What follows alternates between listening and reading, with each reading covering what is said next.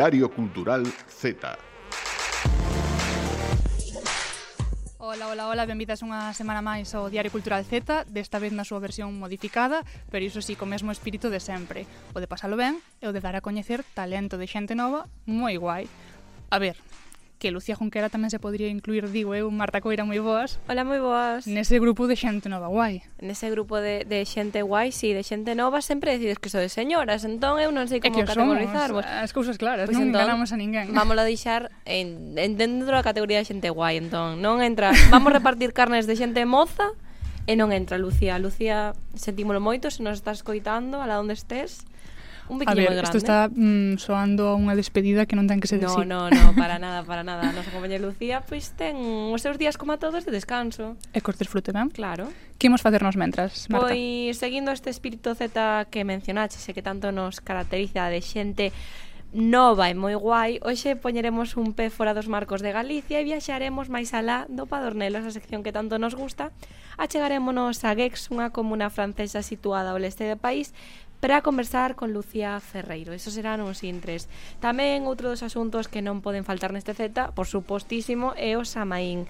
Se es de ser rezagados que aínda non saben como celebrar este sinalado día, non te preocupes, porque hoxe Silvia máis eu imos che traer unhas cantas recomendacións de videoxogos que as que disfrutar dun día do máis terrorífico. A ver, eh, vexo xeneroso pola túa parte incluirme a mí no das recomendacións de videoxogos, pero, pero bueno, día verdade. Imos, intentar, imos conversar sobre eles, que a mí Iso o xénero sí. terror tampouco é algo que me guste moito. Entón, mm, estas que esas gusta con facilidade. Por supostísimo. Se eu vou eu ao cine, eu vou ao cine e vexo cine de terror, eu ríome por non chorar. Pois eu non, eu Pero non, por non chorar, claro. Eu xa non vou porque para sufrir non. Eres das miñas, somos, estamos aí, aí, aí.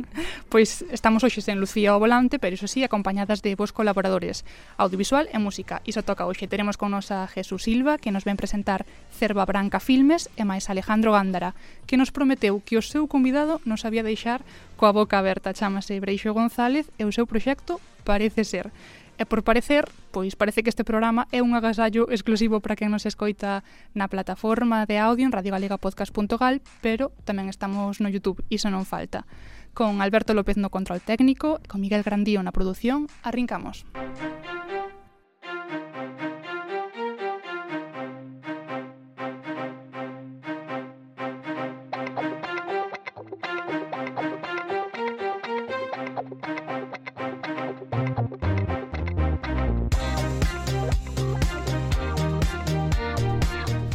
A ver, no programa anterior xa sabedes que quedamos un pouco dando voltas pola comarca do Bierzo, prendemos aí, pero iso non quere decir que agora deixemos de ir máis alá do Padornelo, iso seguímelo facendo, queremos seguir coñecendo xente moza galega, galegos e galegos que viven bastante lonxe da casa, que nos conten como demo foron parar alá, que é o que fagan, e que nos fagan un pouquiño de, de correspondentes culturais, non?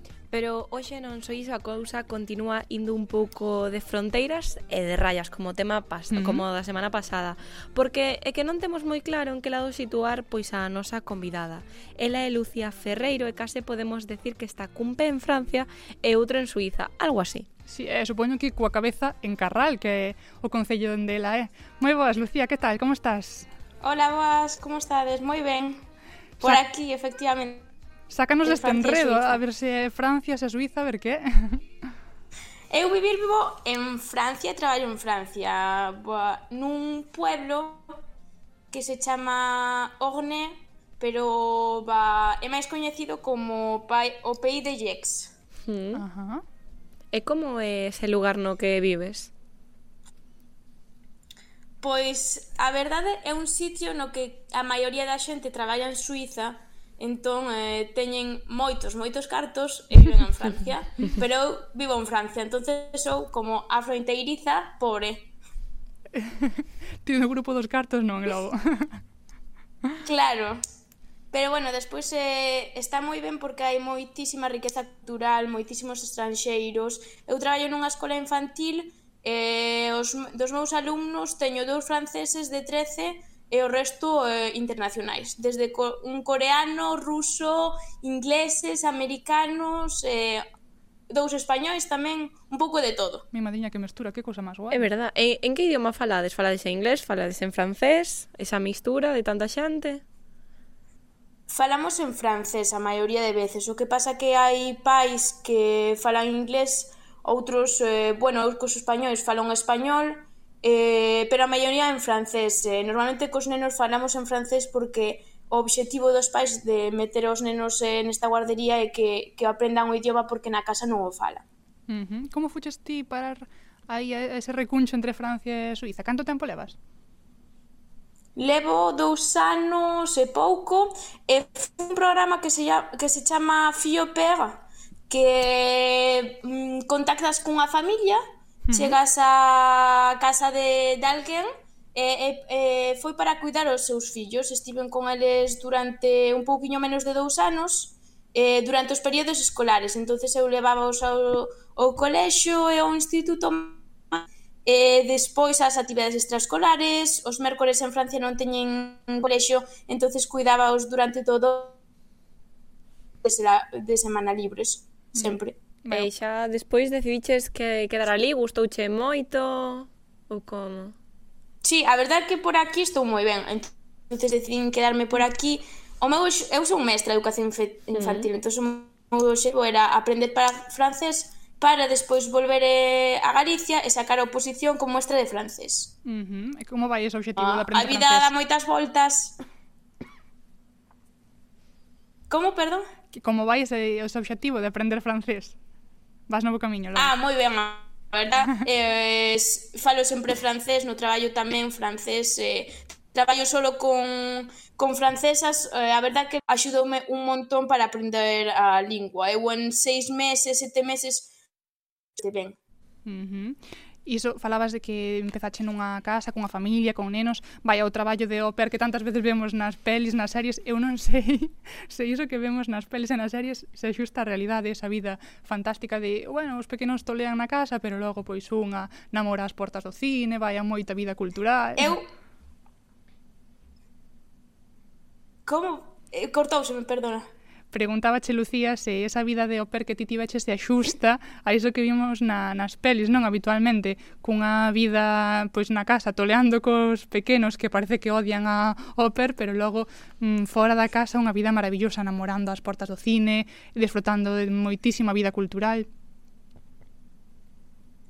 Sí, sí, a, A verdade é que, bueno, eu tive moita sorte ca miña familia, os nenos sempre eran moi moi educados comigo e nunca nunca me dicían que non, e estaban moi acostumbrados tamén a a ter eh, eh, chicas super eh, na casa desde que teñen tres anos, ahora tiñan 10, 11 anos que cumplirá o pequeno e 14, entonces eh, eu a verdade que con eles moi moi ves, eh, por iso quedei ca familia dous anos e despois eu disfrutei un montón eh, do meu tempo libre. Viaxei o que puiden porque cheguei xusto despois da pandemia, mm -hmm. viaxei mm. Bueno, despois eh, puxeron o toque de queda, bares cerrados, pero ainda así eh, un montón de amigos, disfrutei un montón da montaña aquí, eh, estamos nos Alpes, eh, disfruto montada a montaña, vamos eh, no inverno facer esquí, eh, un montón de, de, de rutas de montaña, de senderismo, escalada tamén face, faise un montón por aquí, e eh, moitas actividades. Uh -huh. E bares ou algún local, local no que poñan música en directo que nos poida recomendar?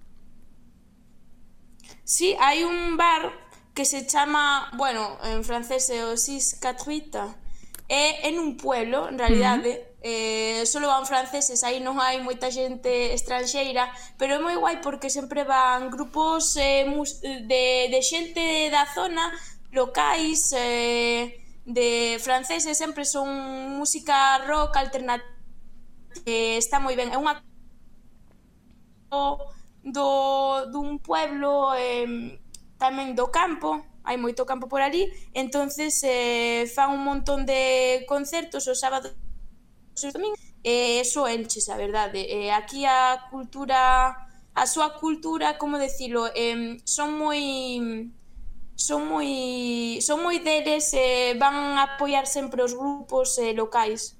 Eh, de todos esos concertos aos que quizáis puideches asistir, hai algún grupo, algún, algún músico que nos poida recomendar a nós? descubrimentos, vaya. Claro, que che gusten a ti. Boa, desus eu non os conozo en realidade. Van igual na, na, mesma, na mesma noite, van tres e están todo o rato cambiando. Son xente que, mm. que van como a promocionarse e outros que simplemente van a, a pasar o rato cos amigos pero supoño que eses non os escoitarais, pero sí que haberá moitos músicos franceses que, que che gustarán, non? Ah, sí. Como cales? A ver, recoméndanos bueno, aí. O, o máis coñecido que, que agora sacou un álbum Stromae, mm -hmm. supoño que tamén chegaría a, a chegou, Galiza chegou, a súa sí. música, que estuvo moitos anos eh, sen, sen, sen sacar música é o que máis escoitamos e de feito vai vir eh, a, a Suiza en abril do, do ano que ven e intentaremos sacar as entradas, pero bueno. A ver se eh, hai sorte. Está moi moi Como? Que a ver se hai sorte. Sí, sí, a verdade que sí, porque está moi está sempre a páxina petada, a verdade. e faz un pouco de, de correspondente galega no exterior no sentido de recomendar ti músicos, cineastas, xente da cultura daqui, Lucía. Eh, músicos non escoito tanta música francesa. Eh, non, non, refírome despois, a galegos eh... que lle recomendes aos teus amigos ah, franceses. Eh, sí. Sí, sí que lles poño música, o que pasa que non se enteran de moito. Pero podelles gustar igualmente, o que eu din, non entendo, non me sí, gusta. Tan xogueiras, tan xogueiras cando foi o boom para ir a Eurovisión sempre llas poñía e todo, E ademais é moi curioso porque aquí eh, no norte, en Bretaña, teñen un estilo de, de bueno, unha cultura moi parecida a nosa en Galicia, eh, céltica tamén, eh, un estilo de música moi moi próximo. Entonces sí que lles gustaba e recordaba moitos a iso. Claro, entre tantas actividades que faz, tantos sitios que visitas, aínda por riba que a cultura se parece, supoño que non votarás nada de menos da cultura daqui, ou si? Sí? Bueno, bótaseme de, de menos igualmente, eh? porque ao final estamos moi lonxe da casa, eh, non non podemos volver eh, tantas veces como quixéramos, pero bueno, en realidade eh, estou ben, igualmente gustame moito estar aquí. Mm. Cando falabas agora das tanxugueiras, Lucía, eu estaba pensando que non me dei conta cando preparábamos o programa que de feito representantes de Francia en Eurovisión foron as que as que chamamos dende aquí as tanxugueiras francesas da Bretaña. Sí, eu estaba moi ilusionada a parte porque dixen, bueno, que ben, van as tanxueiras francesas, pero é eh, que de últimas, entonces dixen "Ai, Pero iso non fai falta recordalo, non pasa nada. Fixeron unha actuación moi boa aínda así. Sí, sí, a verdad que sí. Como se vive aí en Francia ese, esa identidade céltica que ti, a que ti facías mención? aquí na miña zona onde mm. eu vivo eh, non, non se vive desa maneira porque no norte de Francia coñozo, coñezo algún francés que si sí que ven dali entonces eh, pois sí que son moi como os galegos moi orgullosos eh, de mostrar as nosas raíces eles tamén a mostran teñen tamén un idioma propio pero eh, eh, o bretón eh, non é eh, eh, dido sobre todo entre os xoves, os xoves e non, non o, os novos non o falan nada. Pero pena. sí que me ensinaron algunha, algunha palabra, non a recordo porque son, vale, é eh, bastante difícil Sí, bastante difícil, pero sí, eh, o de feito onte na radio pasaba unha canción eh, en bretón na radio pero eu non entendía nada de nada, verdad? Sor sorpréndeme que, que pasen cancións en bretón na radio. É algo, é algo habitual. Sí, porque o que estamos afeitos aquí claro. nas radios estatais. E eh, tamén decían no, que a cultura francesa no, no. persigue moito aos idiomas minorizados. Sinceramente non é moi habitual, era unha radio eh, cultural, como pode ser a Radio Galega, eh, estábamos lá escoitando de casualidade eh, eh, foi moi curioso cando saiu a canción pero si non, en realidade como en España eh, a radio pois eh, as típicas que podemos escoitar eh, con música de reggaetón, de pop eh, que escoitamos todo o día durante meses, pois aquí eh, exactamente o mismo, incluso as cancións que escoitamos en España escoitámolas aquí na radio francesa. Mm. É todo moi comercial. Uh -huh. Canto tempo máis contas quedar por aí, Lucía? Pois a verdade non, o sei, agora estou traballando nunha escola infantil, teño un contrato indefinido, así que por esa parte pois estou como un pouco tranquila, pero igualmente eh, espero volver a, a volver a Galiza. E digo eu, pides que che manden moito pan de carral? pido, pido, pido, pero non, non mo mandan. Home, pois iso hai que facer ya algo, eh? Sí, voito máis, voto de menos tamén as empanadas.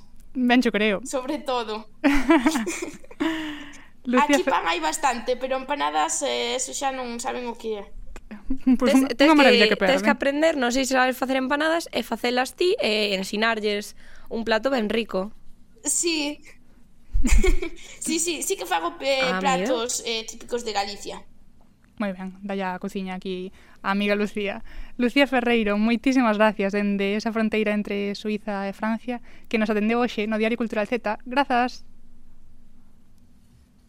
Moitas gracias a vos.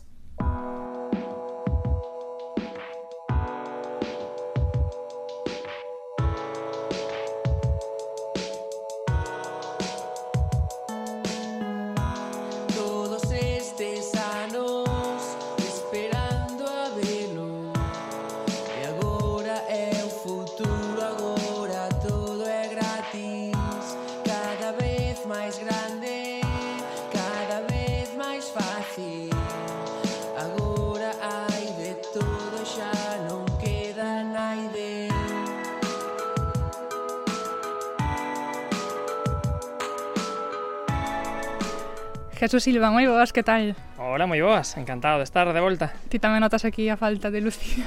sí, efectivamente, o que pasa que eu para compensar hoxe, afortunadamente, xa sabedes sí. que, que normalmente os meus, os meus eh, e convidados participan de, de forma remota, pero se teño a sorte de estar moi ben acompañado aquí no Estudio Multimedia. Ves con convidados presenciais, moi ben, casi é como o traballo en colectivo, tirar todos a unha, e deso no audiovisual sabedes moito. Efectivamente, eh, digamos que se algo definiu tradicionalmente a creación audiovisual é precisamente o seu carácter colectivo, non? Ainda que hoxe en día os avances tecnolóxicos, o, o abaratamento dos custes no, no, no material ou a democratización dos medios eh, posibilitan e facilitan a creación individual, O certo é que este aspecto colectivo segue a ser un dos factores esenciais que diferencian o cinema de outras artes. Normalmente levantar un proxecto audiovisual require do traballo de moita xente, moitos roles e departamentos distintos que chegan ao seu grande área a unha empresa común. Uh -huh. E isto doita ser igual de certo tanto para grandes producións como para eh, pequenas obras independentes, salvando as distancias, claro.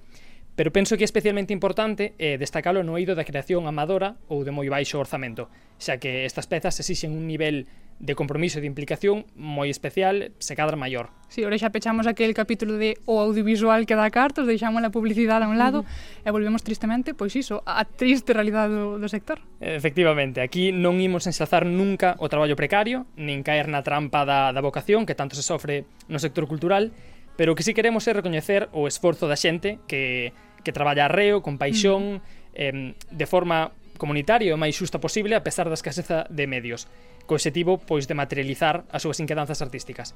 E por iso hoxe acompáñannos dúas persoas que saben moi ben o que é sacar adiante este tipo de proxectos.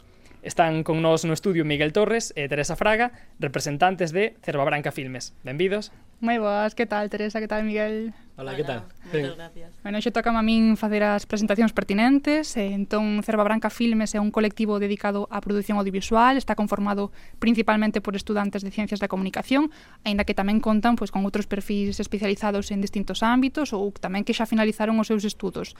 Ata o momento gravaron varias curtametraxes que xurdiron pois un pouco no marco de distintos concursos, de festivais de cine ou tamén pola inquedanza de mostrar a súa visión artística que está sem case sempre, vaya, ligada ligada ao, ao cinema de xénero. Os seus últimos proxectos son o filme Coordenadas, que nace da man do Lab de Vedra, e xa vos digo que o título original non o penso dicir, mm, mm da, da igual que me obriguedes, non o penso dicir porque son aí unha concatenación de números e letras desas coordenadas que non me atrevo. E por outra parte, cando o tempo acabe, que acaba de comezar a súa andaina por festivais. Así que todo isto, Jesús, todo teu. Pois comecemos polo principio, non? Eu quería saber, eh, quería que nos explicaran un pouco como nace eh, este colectivo, non? Eh, con que obxectivos? Eh, bueno, a ver, a idea de, de, de, mm, de agruparnos baixo un nome é un pouco eh, eh, poder, eh, digamos que, concentrar todo nun, todos os esforzos mediáticos, digamos, porque hoxe en día é algo eh, sumamente importante pois nunha, eh, nun nome. Eh, ademais diso o, o grupo que, que traballamos xuntos normalmente cando facemos algunha curtametraxe que levamos xa un par de anos eh, facendo eh, pois suelen ser os mismos os mismos nomes. Entonces eh, eh, a idea de definirnos eh, nos interesaba, xa levaba rondando a mente varios anos, somos eh, somos xente que, que nos gusta a calma, vamos con tempo, pero Iso está ben. non perdemos o paso. E, e, e pouco máis eh, pola parte pola parte creativa pois a, a, a despresar eh, no, no audiovisual pois unha, un cine de xénero pol, que o que a nos nos eh, eh, nos interesa eh, e pou, pouco máis Eu quería afondar un pouquiño máis neso, non? Porque efectivamente as, a maioría das curtas que, que realizaxedes encádranse non? nese xénero da, da ciencia ficción. Eu quería saber un pouco que, que o que vos atrae dese xénero, por que, por que optaxedes por ese camiño, non? Na vosa creación audiovisual.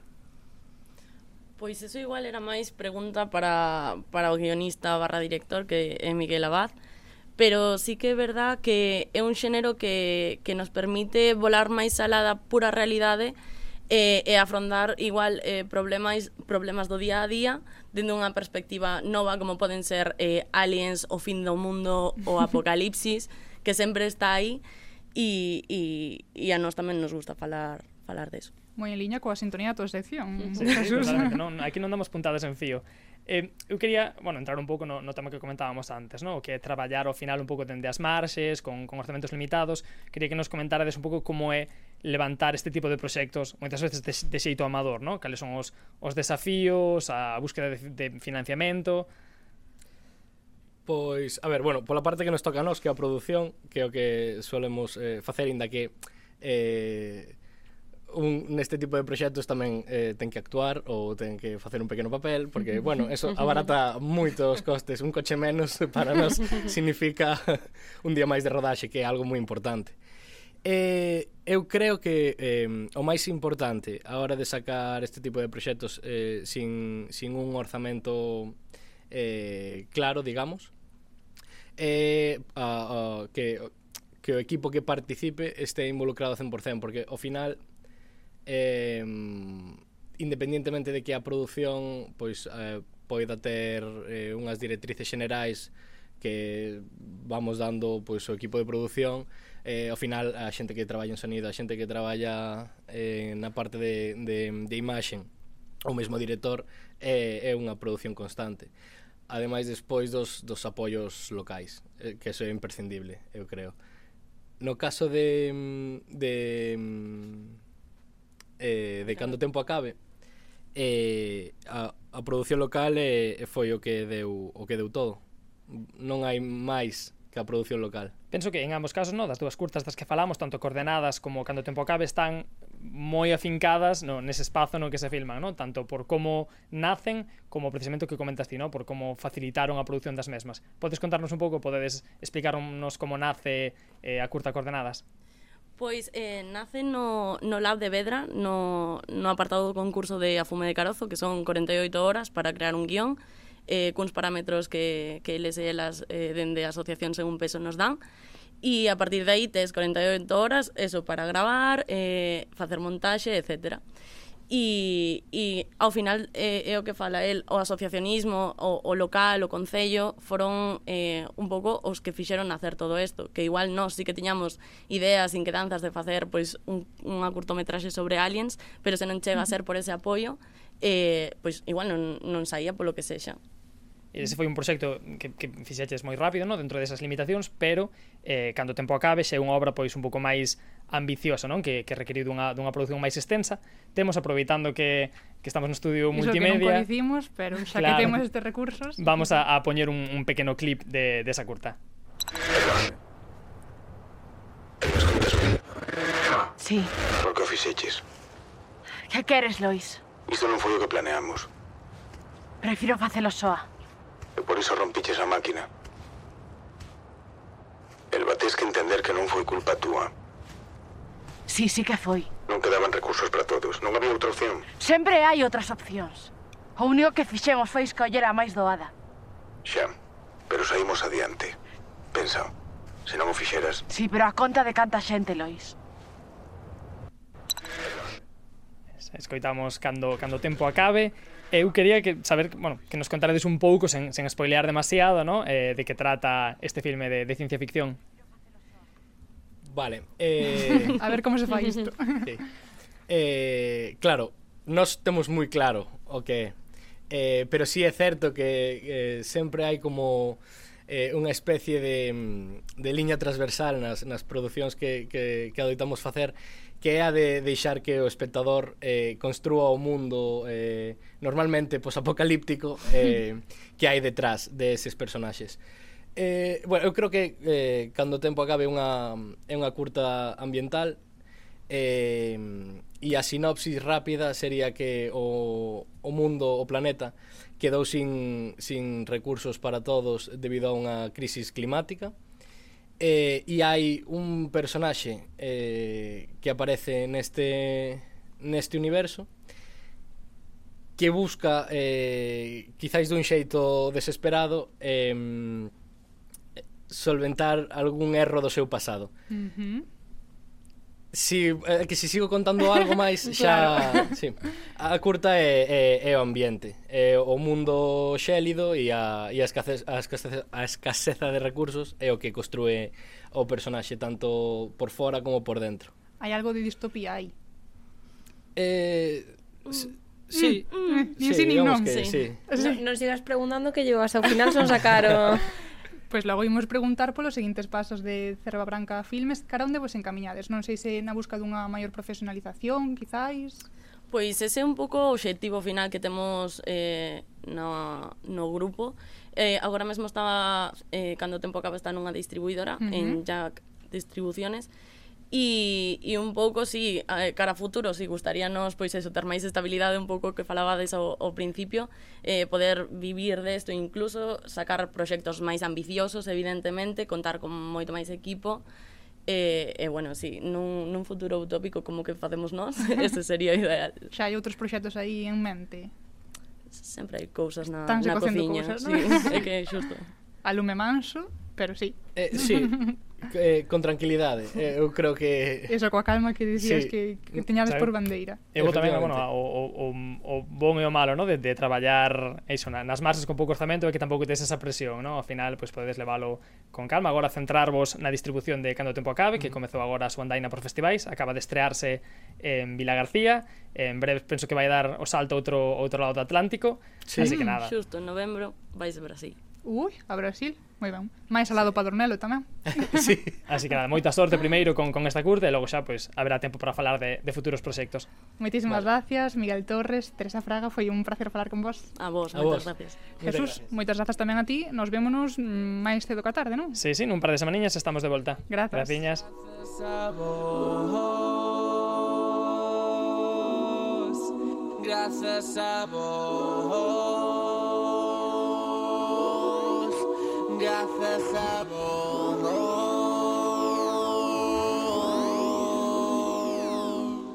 Diario Cultural Z.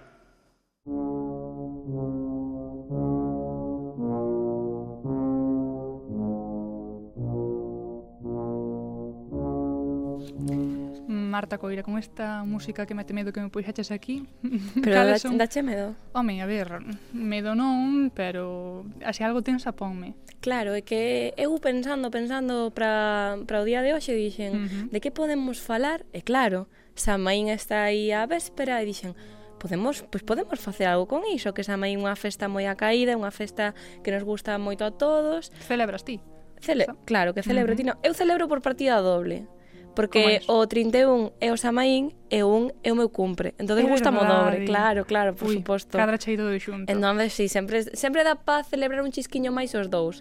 Porque o un é festivo e o 31, bueno, algo podes argallar, sabes? Esta xente que ten un aniversario en festivo que pode sair o día antes e celebralo con gusto e sin data de regreso. Claro, que claro, e que falando de aniversarios, desviándonos un poquinho o tema, hai que decir algo. Que ti estás de aniversario esta semana. Eh, no, es como é unha data abstracta isto do no, Diario Cultural bueno, Z. Data pues, abstracta. Agradecense felicitacións, pero vale, tampouco Que bueno, que esas. o un tamén non podes disfrutar, tamén podes ah. atrasar a celebración e decir, bueno, hoxe si, sí, hoxe é meu día. Non distamos moito nos aniversarios. Bueno, a ver, recomendacións. Indo, indo lío.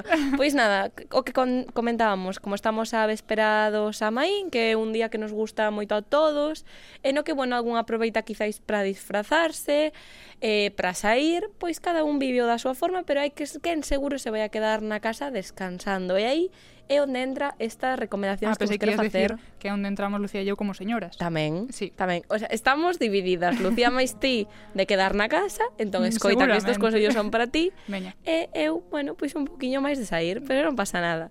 Eh, o que vos iba a decir? Hoxe traio vos tres, bueno, unha serie de videoxogos, principalmente tres, pero podemos comentar outros, uh -huh. para disfrutar deste día se estás en casa, en o que che apetece estar no sofá, manta, pero non caer no mismo plan de sempre, que é ver a televisión e as míticas películas e series destes que poñen as televisións estes sí, días. Eu esa noite non podo poñer a tele nin Claro, e se ademais Claro, ti eres unha persoa que che dá medo, decías sí. antes. Sí, é que non podo, non podo ver ese tipo de películas, eu sinto, porque hai moitos fans das pelis de terror, Pero é que eu non podo con elas. Bueno, entón estas recomendacións tampouco van ser para ti. Pero xa sabes que eu sempre digo que non me pecho aquí a nada. Vale, Marta. vale, bueno, pois pues anota, anota. eh, no mundo dos videoxogos non hai que escarbar moito, en, hai a nada podemos atopar títulos con esta temática de terror ou de medo, moi acaecida por os amaín, e temos sagas pois moi afamadas dentro deste sector que podemos xogar, como son o Resident Evil, que é un videoxogo con oito entregas, pois ali que reúne acción, zombies. Eres de zombies ti? Eh, non. A mí non sei que che fixo pensar que podería selo, pero non. A mí tampouco me gusta moito, non te preocupes, pero bueno, é un xogo que merece a pena estar aí xogalo, probalo. E que pasa con este xogo? Bueno, pois que nos provoca un pouco unha sensación de agobio a todo aquel que se embarca nesta aventura. Todas aquelas persoas que lle guste o que acabo de mencionar, que seguro que xa o xogaron, pero igual hai outras moitas tantas que non, o Resident Evil ten oito. Uh -huh hai para escoller. Sí, xa parte que sí. Así que, se nos vamos a outros títulos tamén bastante afamados, podemos falar do Fasmofobia, que é unha experiencia pois de terror pero cooperativa. Aí xa non tes medo ti só. Pero díxeme, escoite ben, fasmofobia. Fasmofobia. Uh -huh. Pero aí xa non tes medo tiso, senón como xogas acompañada de amigos ou persoas cas que te atopes, sí. pois repartides un pouco o canguelo. Non sei se funciona así, claro. Iso é como cando ías ao cine ver unha peli de medo cos amigos que case daba máis medo cando te asustaban sí. adrede para facerche pasar mal que a propia película. E tamén e daba máis medo cando escoitabas os berros ao teu lado sí. que da xente de diante. Esos quedaban moi lonxe. Iso é certo. Bueno, pois o Fasmofobia é un xogo eh, onde nós, onde os xogadores, pois somos cazadores de fantasmas e temos que colaborar entre nós, xa dixen que era cooperativo, para averiguar que presenza paranormal é a que hai. Hai varios escenarios, unha casa, un colexio, E aí, pois vas ti cos teus amigos e tes que averiguar cal é a presencia paranormal e intentar desfacerte dela. É dicir, un xogo un pouco para Iker Jiménez. Tamén, tamén. Iker Jiménez seguro que nos está escoitando e fando seguro, zeta, claro. que anote. Pero bueno, igual xogou, temos lo que entrevistar a ver que nos mm, di. Non me extrañaría tampouco. e xa para ir rematando, pois podemos mencionar o Outlast e Outlast 2, pois que é unha saga na que os xogadores somos nós, Silvia, somos xornali son xornalistas. Eso sí que dá medo. Claro, eso, eso se queda moito medo para o partido doble. Mm, sí. Entonces, no Outlast 1 eres un xornalista que se adentra nun manicomio, e no Outlast 2, pois eres unha parella, ti máis eu perfectamente, de reporteiros que viaxan desde o deserto de Arizona pois para investigar a morte dunha rapaza moi tétrico. Moi interesante, claro. Moi desa Vas xogar algún dos tres que che mm, recomendei? Non, sinto, mm, desta vez non te vou nin enganar, nin no intento, porque mm, no, bueno, non o vexo. Pois aí quedan estas recomendacións para quen si sí o quere Que si, sí, que hai moita xente que é moi fan desta data e das cousas de terror en xeral. Pois pues sí. Grazas, Marta. Nada.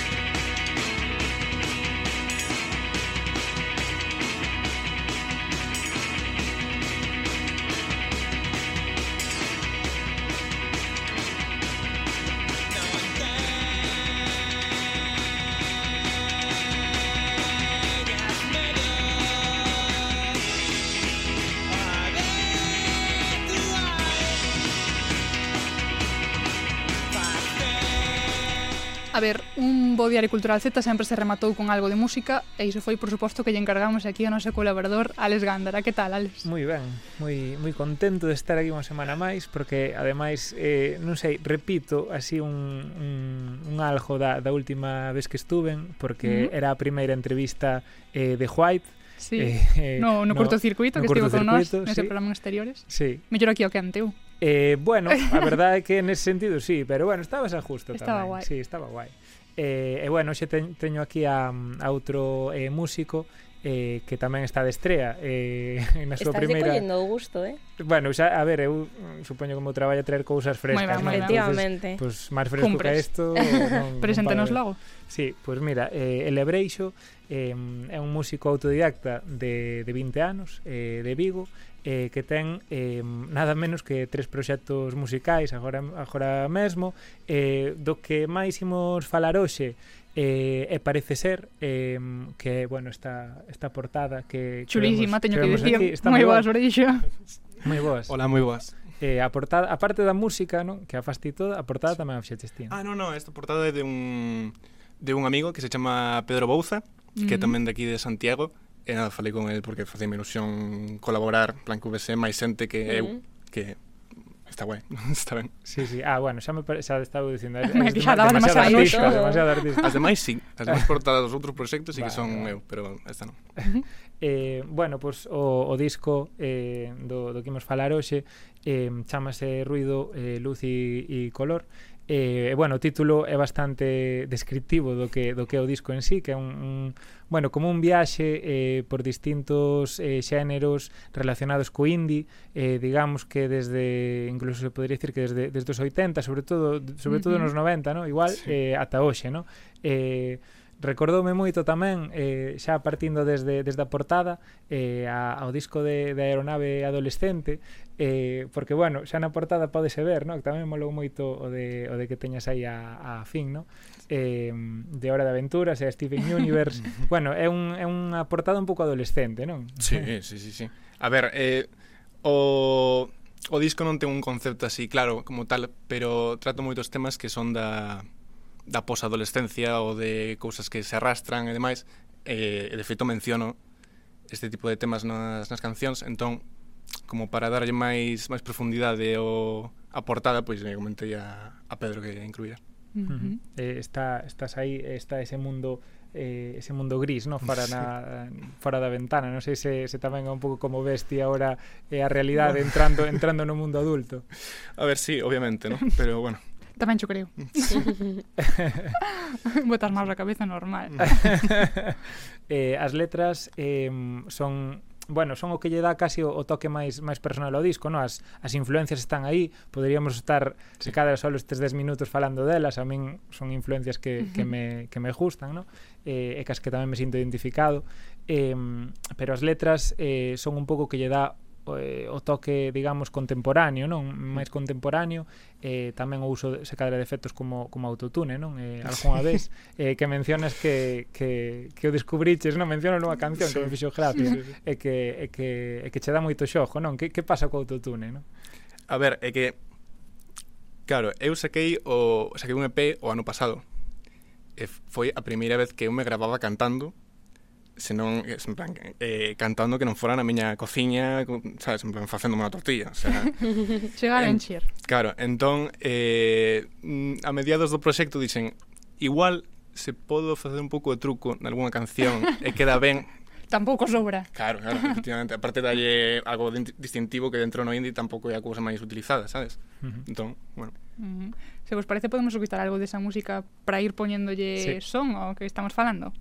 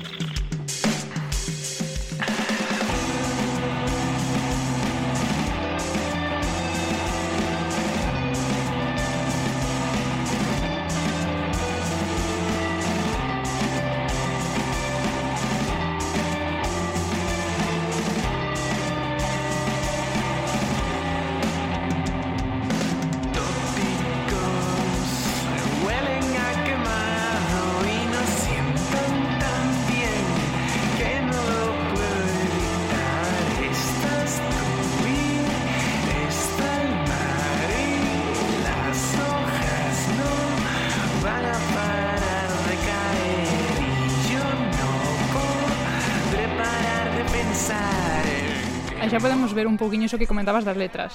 Mm, sí, sí, eh, bueno, ah, esta concretamente é unha canción de amor, ¿no? Sí, sí, sí. De, bueno, como era a primeira canción do disco, esa no EP que, que saquei sí que botaba de menos plan falar da, da relación que manteño agora mesmo que pois pues, eh, foi moi importante para min e eh, sigue sendo, grazas a Deus entón quería que fora o primeiro tema do, do disco Todas as letras son eh, totalmente autobiográficas ou daste aí licencias? non, quería eh, algo que dame curiosidade este rollo de cantautor de inventarse historias, eh, falar por outras persoas e tal pero no, no neste non disco no, no, en plan, non probei, pero digo que neste disco sí que todas as cancións son completamente uh -huh. rayadas miñas. Vale? eh, e os instrumentos, porque bueno, eu sei que ti tocas a guitarra, eh, pero bueno, no disco hai un montón de instrumentos, ¿no? desde mm, teclados a bueno, batería baixo eh, ata, bueno, en algún momento alguna eh, percusión electrónica. Eh, como, contanos como, como aprendeches a, a manexar todos estes instrumentos. Pois a, a base de pegarse contra unha parede, basicamente. O sea, eh, o, o disco tardei máis ou menos un, un ano en completarlo do principio ao final. Eh, eu aprendín a tocar a guitarra e eh, nin a día de hoxe podo permitirme o lujo de decir que sei tocar a guitarra o sea, non sei que, que acordes uso nesta canción de feito, en plan o sea, sei tocalos, pero non sei como se chaman sabes? Entón, claro, a hora de, de utilizar outro instrumento tamén é, era igual o que soe ben pois soa ben e adiante teño sorte de ter un oído decente creo acabei o disco a xente dice que lle gusta máis ou menos, o sea que supoño que sí que teño máis. a túa aprendizaxe foi máis a base de, de tutoriais de YouTube que de clases. Sí, sí, sí, vamos. Pero vamos, o sea, no, no, non coñezo o profesor. Eh, eh, por, por curiosidade, tocaches, eh, o sea, alguén viu este, as cancións deste disco en directo? Ou... Eh, non, non, de feito a, a maior parte delas están están feitas a partir de loops, é dicir, eu toco eh, a guitarra, o riff principal, tal, eh, fago, fago dous, dous, dous turnos, no? dous, dous giros do, dos acordes, e eh, os lupeo directamente. Eh, De feito, eu non sei tocar a guitarra eh, e cantar a vez, o sea, non... Vendesteme moi mal, eh? colapso. Pues nada, hai que hai que hai que ensayar un pouquiño aí que sí, esto sí, sí. este disco creo que merece que merece que se lleve en directo. Ademais non é o único non é o único proxecto que tes, ¿no? Eh, non, non, o sea, o, o disco está subido no canal de Gallo Records, que anda que se chama así non é absolutamente nada organizado profesionalmente. Eres tío. Son, son eu que utilizo como canal principal para, para subir as diferentes movidas que, que a mí me gusten, que me apetezcan, vaya.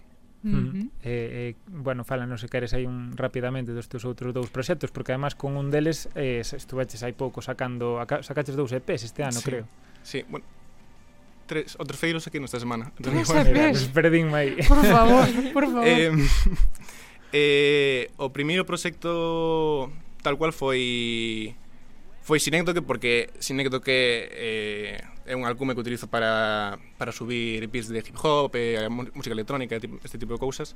Pero nada, subí un, un beat aí na cuarentena e dixen, bueno, faime gracia, foi.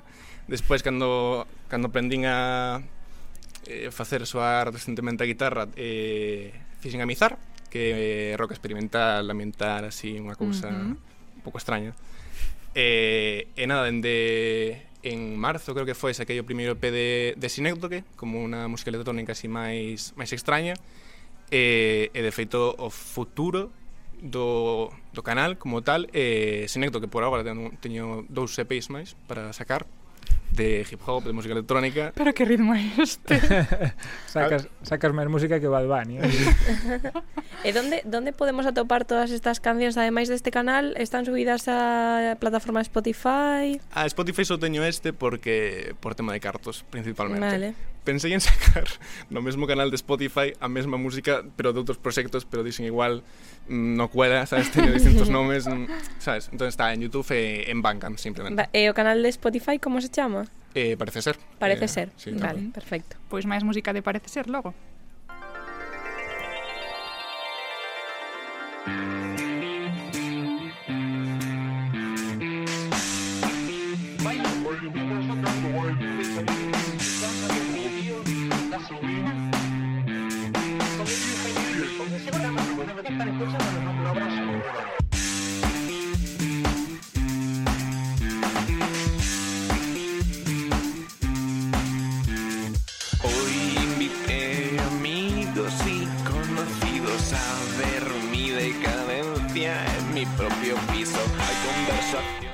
noso técnico Alberto López está lle dando a cabeza, así que debeulle gustar isto de parece ser Breixo, así que aí tes un fan que te escoite despois, a ¿eh? que non queda aí. Moitísimas gracias, Breixo. A, ah, a vosotros, por o espazo. Moitísimas gracias tamén a ti, Alex. A vos, Seguiremos agardando que nos traías estrellas eh, e sempre, xente sempre. nova moi guai, como sempre faz. Grazas. Graciñas, chao, chao. Cada una de esas canciones que me ponen tan, tan triste Tamén nos marchamos, Marta. Hai que marchar, por mm, suposto. Mm, balance deste programa sin Lucía. Tiramos eh, algún baixo. Eu, eu penso que Lucía non fai falta que volva, que disfrutas ah, vacación. Estou de broma, estou de broma. Ahora en serio, eu creo que cumplimos o noso cometido, uh -huh. xente moza e xente moi guai pois niso Contentas seguiremos. estamos. Sí, sí, e satisfeitas. niso seguiremos, habrá máis Diario Cultural Z a vindeira semana. Moitas grazas.